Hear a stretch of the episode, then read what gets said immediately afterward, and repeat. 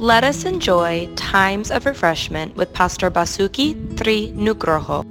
Shalom, Kolose 3 ayat 9. Jangan lagi kamu saling mendustai, karena kamu telah menanggalkan manusia lama serta kelakuannya.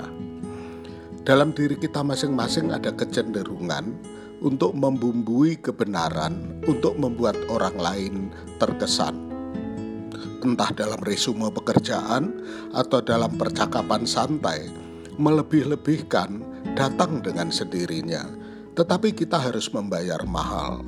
Kebohongan kecil biasanya tumbuh lebih besar saat kita mencoba menghindari penemuan.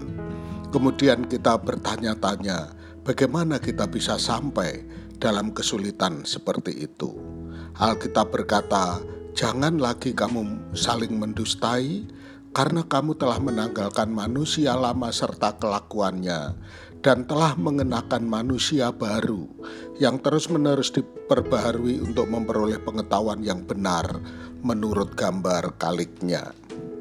Dengan kata lain, jika kita telah menempatkan iman kita kepada Yesus sebagai juru selamat kita, berbohong tidak sejalan dengan apa yang Tuhan harapkan dari kita Penangkal racun promosi diri adalah pertumbuhan keserupaan dengan Kristus, semangat belas kasihan, kebaikan, kerendahan hati, kesabaran, pengampunan, dan kasih.